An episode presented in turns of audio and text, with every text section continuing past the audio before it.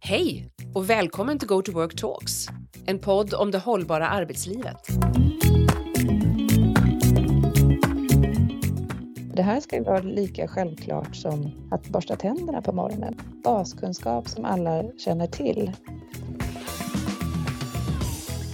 Hej! Dagens avsnitt av programserien med den neurovetenskapliga mentala tallriksmodellens sju beståndsdelar som utgångspunkt kommer att ge oss mer kunskap om själva modellens syfte och de olika ingredienserna där vi dyker ner lite extra i fokustid som många av oss idag har ganska lite av.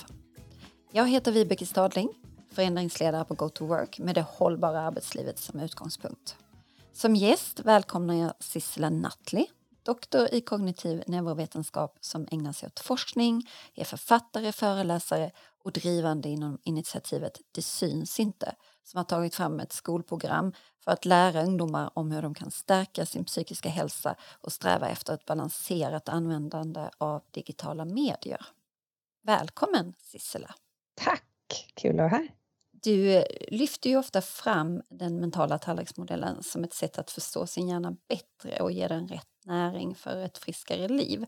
Kan du ge en lite mer utvecklad beskrivning av modellen eller hur du tolkar den och hur vi ska använda den? Ja, absolut. Det är liksom som ett stöd för att förstå vad det finns för aktiviteter som, som vi människor mår bra av att ha någon slags balans i.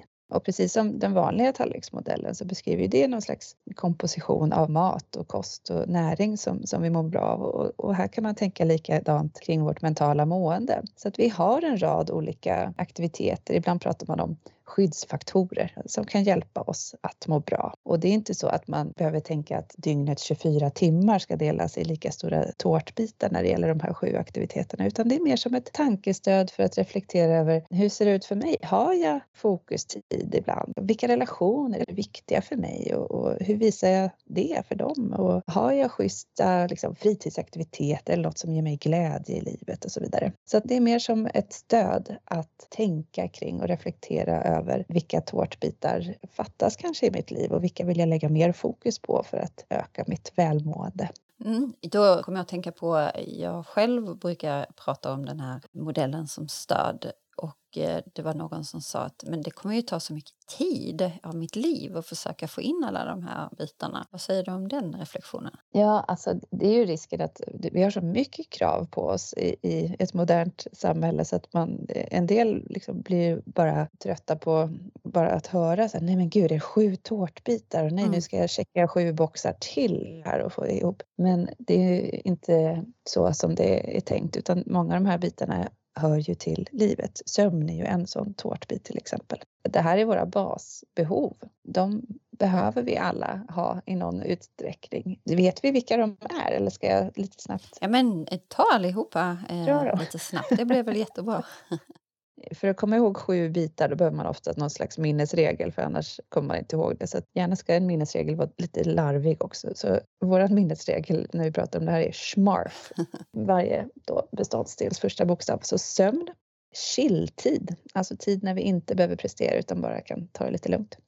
Hjärnvila, tid då vi inte konsumerar information eller behöver tolka utan låter våra egna tankar studsa omkring. Mm. Motion, meningsfulla aktiviteter, alltså hobbys, fritidsintressen, sånt. Relationer och fokustid då. Men eh, då måste jag bara fråga, för att jag tycker vissa saker går ihop i, i modellen, men också chilltid och hjärnvila. Mm. Vad, är, vad är skillnaden mellan de två skulle du vilja säga? Mm. Och jag ska lägga till, det här är ju en modell som är framtagen av amerikanska forskare. David Rock och Daniel Siegel, de är psykiatriker och forskare och de använder lite annorlunda begrepp och har mer fokus på, på just den här tysta tiden och reflektionstiden skulle jag säga. Men jag skiljer på chilltid som tid som känns återhämtande, som inte ska vara stressande utan rent fysiologiskt så är det ju då vi får igångsättning av vårt parasympatiska nervsystem. Och det är då kroppen reparerar sig och den bygger upp immunsystemet, den håller på med matsmältning och ja, massa olika återhämtande processer i vaket tillstånd och i, i sovande tillstånd. Men så att chilltid kan vara många olika saker. Vad som än får en själv att känna att nu behöver jag inte prestera här. Så för någon kanske det är att eh, stå och koka en soppa eh, lite lugnt och, och lagom. Medan för någon som är jätteovan vid att laga mat skulle det vara en ganska stressande situation kanske. Mm. Det ska ju vara något som man, man själv upplever som det här är ett gott välmående med återhämtande känsla för mig. Eh, för någon kanske det är att titta på film. Eh, för någon annan kanske det är att sticka eller improvisera på ett piano medan det skulle vara en otroligt fokuskrävande och stressande upplevelse för någon annan. Så att man måste verkligen utgå från sig själv här. Vad är återhämtande för mig? Hjärnvila å andra sidan då, det är också menat som återhämtande tid när vi får igång det parasympatiska nervsystemet, men då är det ännu mindre stimulans som kommer utifrån. Så att då är det inte att titta på en film samtidigt. Då behöver vi tolka handlingen och hänga med i det som händer. Utan hjärnvila är alltså tyst tid när vi inte behöver tolka information som, som vi tar in via våra sinnen i någon hög grad. Vi kan gå en lugn promenad i skogen, men inte om vi kanske fågelskådar samtidigt. Om du förstår skillnaden. Mm. Det blir lite mer en slags inre stillhet och reflektion inåtvänt, eller? Precis. Så det, i dagens ganska liksom högaktiva samhälle så tror jag att den här tiden har, har naggats på ordentligt. Om man tänker hur vi såg ut när vi stod och väntade på en buss för 12 år sedan. Då stod man kanske bara där rakt upp och ner och, och, och väntade och lät tankarna just studsa omkring och hamna där de hamnade och man kanske tänkte på vad man skulle göra sen eller fnulade på något problem man hade och kom upp med någon, något nytt perspektiv. Och de här stunderna har i stort sett eliminerats för de flesta av oss för att så fort vi har en liten, liten paus så plockar vi oftast upp mobilen i den mm. där små pausen. Och vad händer med oss om vi, om vi inte får till de här chilltid och, och hjärnvilan eh, och bara stå och vara eller sitta och vara? Ja, risken är ju att vi fortsätter att belasta eh, hjärnan och vi inte får den här återhämtningen och vi upplever mer stress. Mm. Så det ser man i studier att när vi liksom kör back-to-back-möten till exempel, där mötena går i kloss i kloss, då bygger hjärnan upp mer stressande aktivitet än om vi har 10 minuters liksom, påtvingad paus däremellan. Och i de här studierna så har man gjort eh, till och med meditation däremellan. Men då ser man att vi neutraliserar hjärnan och stressnivåerna och kan börja om på nästa timme. Och var inte så att vi bygger upp en högre och högre stress allt eftersom dagen går, utan vi är tillbaks nästan på noll om vi har fått 10 minuters paus däremellan.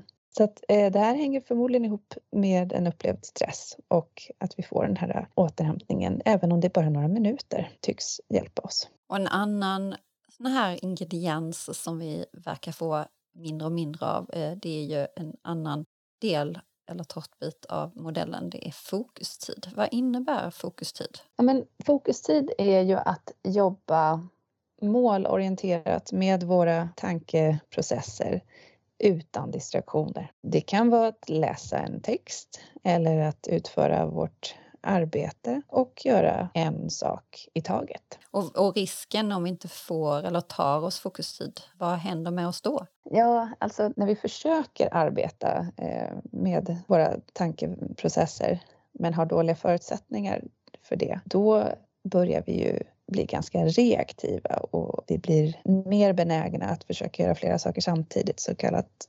multitaska. Och det är ju extremt ineffektivt för oss för att få någonting gjort och stressande i sig. Mm. Så att när vi börjar bli liksom reaktiva och vi hoppar emellan olika saker eller dokument eller vi får för oss att vi ska, jag ska bara kolla om det händer, om jag har fått ett sms eller fortsätta med den här texten och sen så hör vi hur någon pratar i bakgrunden. När vi har den typen av arbetsmiljö runt omkring oss så blir vi väldigt mycket offer för att reagera på den stimulans som kommer emot oss. Och för, hur reagerar vi då? Blir vi arga, ledsna eller bara mer stressade eller det är glad kombination? Nej, men det, kan ju vara att vi känner oss stimulerade men vi får inte någonting gjort mm. eh, egentligen utan vi blir mera stressade. Ofta gör vi mera fel och så tar arbetsuppgifterna längre tid att få klart och det i sig blir ju också stressande. Vi känner inte att vi kommer någon vart. Och så tycker vi att vi gör ju jättemycket. Vi, vi försöker och vi har hur mycket som helst att göra så att vi blir lite överväldigade av känslan av att ha mycket att göra. Vi försöker göra mycket men vi blir inte klara och det tar längre tid och, och vi slarvar och det blir ett sämre resultat. Mm. Så att det vi behöver göra för att skapa schyssta förutsättningar för att kunna ha fokustid, det är att förstå att vår uppmärksamhet är väldigt begränsad och den kommer att pingas på av en, en normal vardagsmiljö. Så vi behöver bygga som ett litet staket runt vår fokustid när vi vill få någonting gjort. Och hur kan det se ut, bygga ett staket runt sin fokustid? Är det att eh, ha rätt förutsättningar? Vad kan det vara då? Ja, det handlar om att både se över sin fysiska arbetsmiljö runt omkring och också sin digitala och, och de verktyg som man ska använda sig av för att göra den här uppgiften som man står inför. Så om man vet att nu ska jag göra någonting som är kognitivt krävande och, och svårt och som eh, behöver lite fördjupning, Dels måste man ju tid i schemat för det. Om man har en, en dag som är upphackad av, av möten och telefonsamtal, om man bara ser så här, men nu har jag en kvart här och en 20 minuter där. Det kanske inte är tillräckligt för att ta sig an en, en svår komplex uppgift som kräver mycket tankeverksamhet. Så man behöver ju dels ha eh, luft eller tid i schemat som är designerat för just fokustid. Mm. Och många har dessutom bättre möjlighet att kontrollera sin, sin uppmärksamhet på förmiddagen, på morgonen och förmiddagen jämfört med eftermiddagen. Så det är ju en sak att, att schemalägga för fokustid med rätt förutsättningar. Och sen se över sin fysiska arbetsmiljö. Om jag ska göra något svårt och kognitivt krävande, då kanske jag behöver gå undan eller sätta mig i ett, eh, tyst område om man har aktivitetsbaserat eller sitta hemma eller vad man nu tror att man själv behöver för att kunna hitta in i den där fokusen utan att bli störd av kollegor eller pingande saker i arbetsmiljön, i den fysiska arbetsmiljön. Och sen när det kommer till den digitala arbetsmiljön så är det samma sak där. Att försöka bara ta fram den uppgiften som man behöver. Stänga ner chattar, kanske sätta på stör ej-läge på mobilen och, och, och göra det tydligt även för kollegor. Det beror ju på såklart vad man har för arbetsroll och situation. Men nu kommer jag inte svara i den här direkt messaging-chatten till exempel, mm. utan nu, nu har jag fokustid. Så det handlar mycket om att försöka ta kontroll över sin egen tillvaro eh, och eh, hjälpa hjärnan att avgränsa sig. Mm, precis, och, och, och, göra en sak i taget. Och har man liksom väldigt stora komplexa uppgifter framför sig så tjänar man ju också på att bryta ner dem i någonting hanterbart så att man börjar stycka den här elefanten i någon slags eh, portionsformat så att man inte skjuter på hela berget framför sig för att det känns för svårt hela tiden. Utan mm. planering krävs ju där också. Men eh, har det hänt något i samhället? Jag vet ju smartphone är en sån sak, men vad är det som gör att vi eh, lider brist på fokustid idag?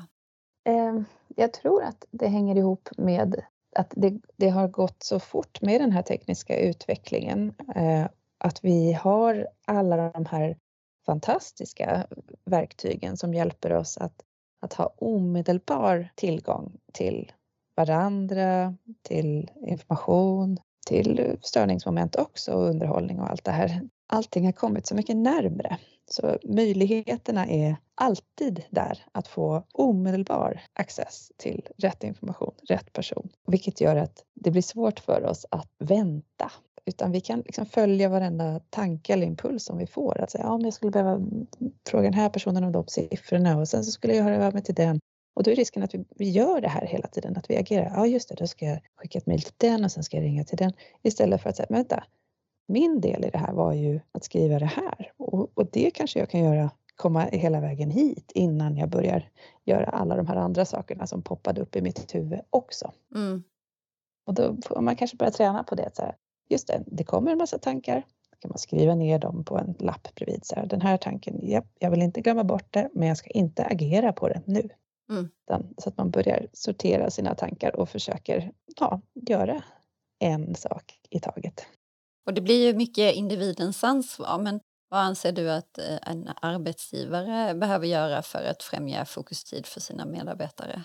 Ja, men dels är det det här att förstå eh, förutsättningarna runt fokus, så att skapa möjlighet till att eh, gå undan, att det finns tysta miljöer och så att arbeta i. Och sen handlar det om kommunikation, att man förstår att vissa arbetsroller eller vissa uppgifter kräver fokustid. När i schemat är det möjligt att göra det här arbetet? Kan vi till exempel lägga mer av möten på eftermiddagarna och låta förmiddagar vara lite fredade eh, för att faktiskt få göra det här djupfokusarbetet. Mm. Sätt, är vi noggranna med pauser eh, så att man inte kör de här back-to-back grejerna som gör att man blir stressad och faktiskt ja, tar ut sig på, på möten och, och kanske inte har det kognitiva fokuset kvar sen.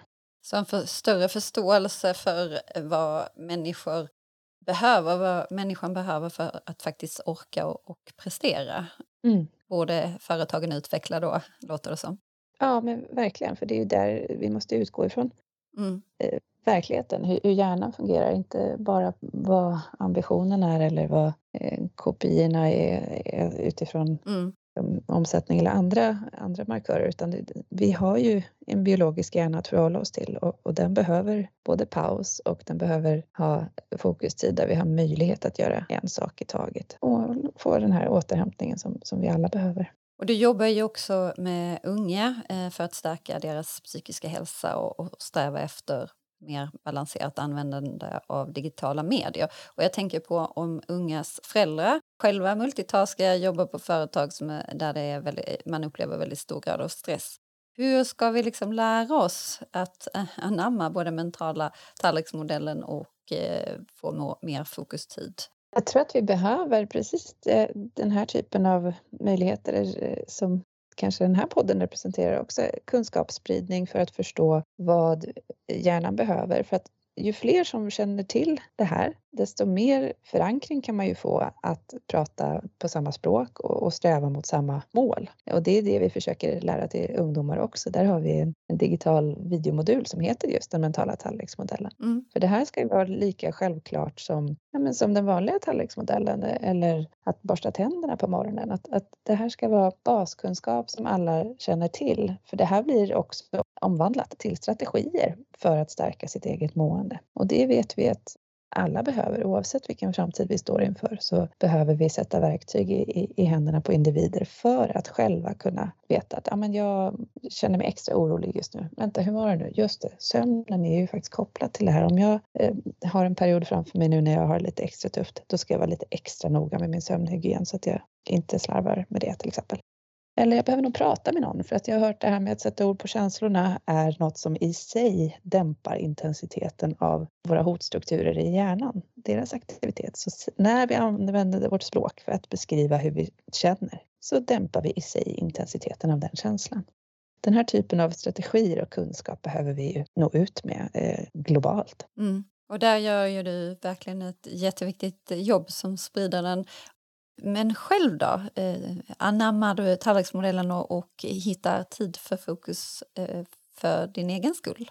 Ja, men jag försöker, och jag har liksom de sista tio åren eh, försökt få in många av de här delarna i min vardag för att det, det tar tid att bygga vanor så att det behöver man jobba och ha lite tålamod med sig själv att få till. Men jag tycker att jag har nått en rimlig eh, rutin när det gäller att lägga undan mobilen när jag vill fokusera. Eh, jag har liksom en, en, rutin på morgonen som handlar om att få till lite styrketräning direkt på morgonen varje dag. Alltså även om det bara är tre set av lite situps så har jag gjort någonting och det gör att jag får en bra start på dagen.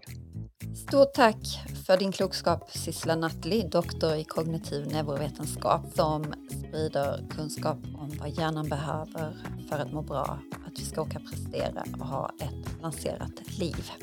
Tack för att jag fick vara med. Och med det sätter vi punkt för dagens Go to Work Talks. Lyssna gärna vidare på våra andra program med utgångspunkt i den mentala tallriksmodellens sju olika beståndsdelar.